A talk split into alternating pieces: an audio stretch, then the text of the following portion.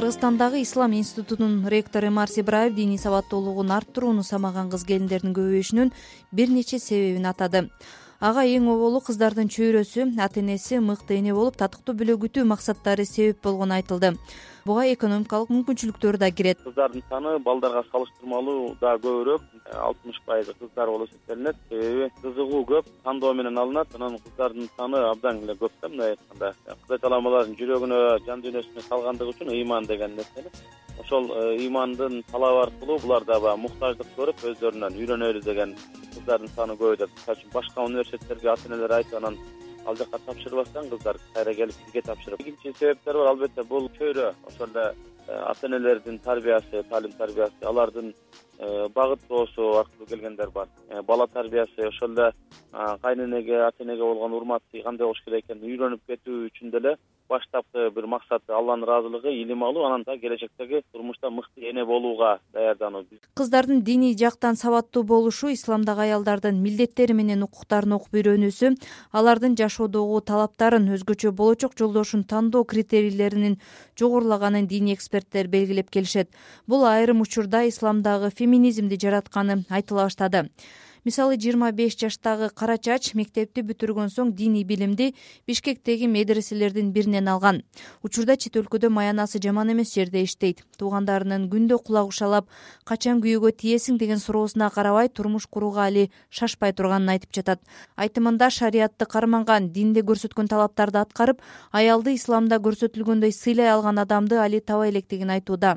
Кара чач жашы өткөнчө турмушка чыгып көңүлүнө төп келбеген адам менен кол кармашкан катар кыздардан болгусу келбейт. Көп ыраак тандоого туш келип калган ушундай маселе бар. Устазалар эжекелерди үйрөтүп бир нерсени совет сүйлөп ошенткенде алар аябай мындай идеалдуу бир образды коюшат да ар дайымчы силер мындай рядовой эле болуп жөнөкөй мындай эрге тигип бала бала төрөп ошон эрге тийгиле деп ошондой үгүттөбөйт да ал жактар ал жактачы. Бир башка башка бир чоң максатты силерден күтөбүз көп окугула дин жолунда көп кызмат кылгыла билими болуш керек жашоодо мындай медреседе койгон идеалдуу адамдар аз. Анан баары эле андайга туш келбейт. Эрди экинчи орунга коюлат да. Кара чач диний билим алган кыздар өзүн баалаганды өздөрүнүн шарты менен талабын айтканды үйрөндү деген ойдо. Эрге тийсеңер дагы өзүңөрдүн условие требованияңарды жакшы бир орунга коюла дейт да условие болуш керек. Мындай жөн эле мындай эрге тигип кете бербегиле дейт да эми силердин укугуңар бар ата энеси менен жашабаганга отдельно жашап ушундай болуш керек. Баланын отношениясы дагы андай болуш керек мындай болуш керек деп анан ошондойду издеп выбор кылып ушинтип тандап калышат деп ойлойм. Жарандык активист шахризада аданова да кыргыз кыз келиндер өзүн баалаганды үйрөндү деген пикирге кошулат. Анын пикиринде аялдарда эркектерде ислам принциптери менен жашаса ажырашуу зомбулук кордук болбойт эле деген ишеничте. Бирок көптөрү ал талаптарды аткарбай жатат. Албетте аялдар дагы ошол ислам динин үйрөнгөндөн кийин өзүн сыйлап өзүн мурунку абалына караганда бир топ жогору коюп калары бул бышык себеби дегенде ислам дини аялдарды аябай сыйлайт.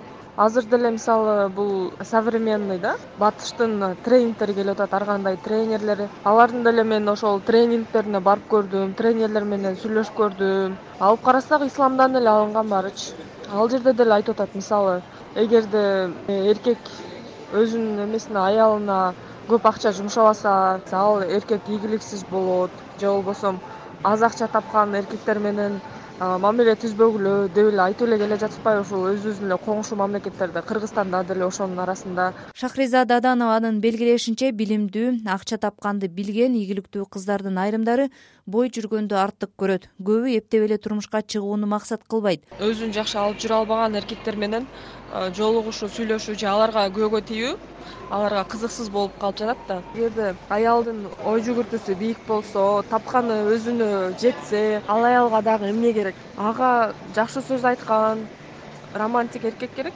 Анан эгерде эркектин э, тапканы да жакшы эмес болсо же жакшы сөзү жок болсо ошого деле тийгиси келбесе керек деп ойлойм да. Андан көрө күчүк багып алган деле жакшы дейт да кыздарчы анткени менен психолог асель байымбетова ислам жолунда жүрүп бирок бой жүргөн кыздардын көбөйүшүнүн эркектер өзүнө коюлган талаптарды аткарбай жатканы менен түшүндүрөт.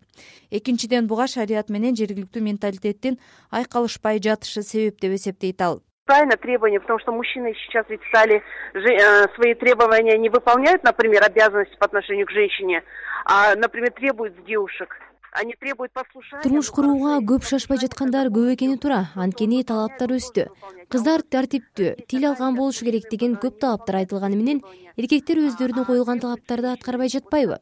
Аялдар мындай тигиндей болуш керек деп милдеттерин абдан жакшы билишет. Өздөрүнүкүн билишпейт жакшы кыздар абдан көп бирок кээде менталитеттин айынан үй бүлөлөр ажырашып кеткен учурлар болуп жатат. Шариятта эң биринчи күйөөсүнө жагыш керек ошону угуш керек десе менталитет боюнча кайнэнеңе жагыш керек дешет. Күйөөсүнө отчет берип кайнэнесине айтпай койгону үчүн тил уккан бүлөлөр кайрылышат. Көп жаш келиндер ушундан кыйналышат. Шарият боюнча күйөөсү үйдө жок болсо анын башка эркек туугандарын үйгө киргизбеш керек. Бирок ал аткарылбай жатпайбы? Не в исламе а выполняет к русским то женщины девушки наши мучаются сколько из за этого проблем разводов депрессии в больницы попадает. Ислам окуу жайынын ректору диний эксперт марс ибраев кыз келиндердин диний билим алуусу аялдарды экинчи сорт катары көргөн. Аларды күйөөсүнүн буйругунан чыкпай үйдө гана отурушу керек деген тар көз карашты жокко чыгарууда деп эсептейт. Диний маселелерди дагы э, сырткы гана көз караш менен бирин экин э, ошону карманган инсандардын туура эмес үлгү болуусунун натыйжасында адамдарда ушундай ой пикир жаралып калганда ушундай бир түшүнүк. Аял заты демек бул экинчи сорт үчүнчү сорт анан кийин аял заты дайыма үйдөн чыкпай эле мындай э, таптакыр күйөөсүнүн буйругунан чыкпай отуруш керек. Аял затынын канчалык көп маалыматка ээ болуусу аркылуу канчалык туура маалыматка ээ болушу. Андан кийин жакшы илимге ээ болушу менен э, феминисттик көз караш эмес балким ошол эле эркекти дагы баалап үй бүлөнү баалап мекендин да мекенчилдик баягы атуулдук милдетти баалаган аял заты көбөйдүп деп ишенем учурда ислам институтунда билим алып жаткан сегиз жүздөй студенттин алтымыш пайызга жакынын кыздар түзөт. Анткени менен кыргыз үй бүлөлөрү илгертен диний көз караш же шарият боюнча эмес өзүнүн каада салтына ылайык теңин таап же кудалашып келишкенин айткандар да бар. Сиздер аялзат берүүсүн уктуңуздар берүүнү даярдап алып барган канымгүл элкеева кыргызстандык аял. Бүгүн конституциялык укуктары корголгон. Бийик даражалуу инсан эне ишкер жана саясатчы. Бул биздин коомдун бышып атканы. Ошол эле мезгилде өлкөдө ар бир экинчи аял үй бүлөдө зомбулукка тушугат таяк жейт. Мындай эле кол көтөрүп же бетиме чабып жыл сайын он беш миңдей кыз ала качууга туш болот. Машинага аябай тыгып салышып ошентип эле алып качып кетишти да. Социалдык бейкамсыздык аялдарды митинг башына алып чыкты. Чындык жок экенин айламан кудай деп жакамды кармап турам. Канымгүл элкееванын аялзат автордук берүүсүнө сиз да үн кошуңуз. Байланыш телефону нөл беш жүз элүү беш жүз эки беш жүз элүү беш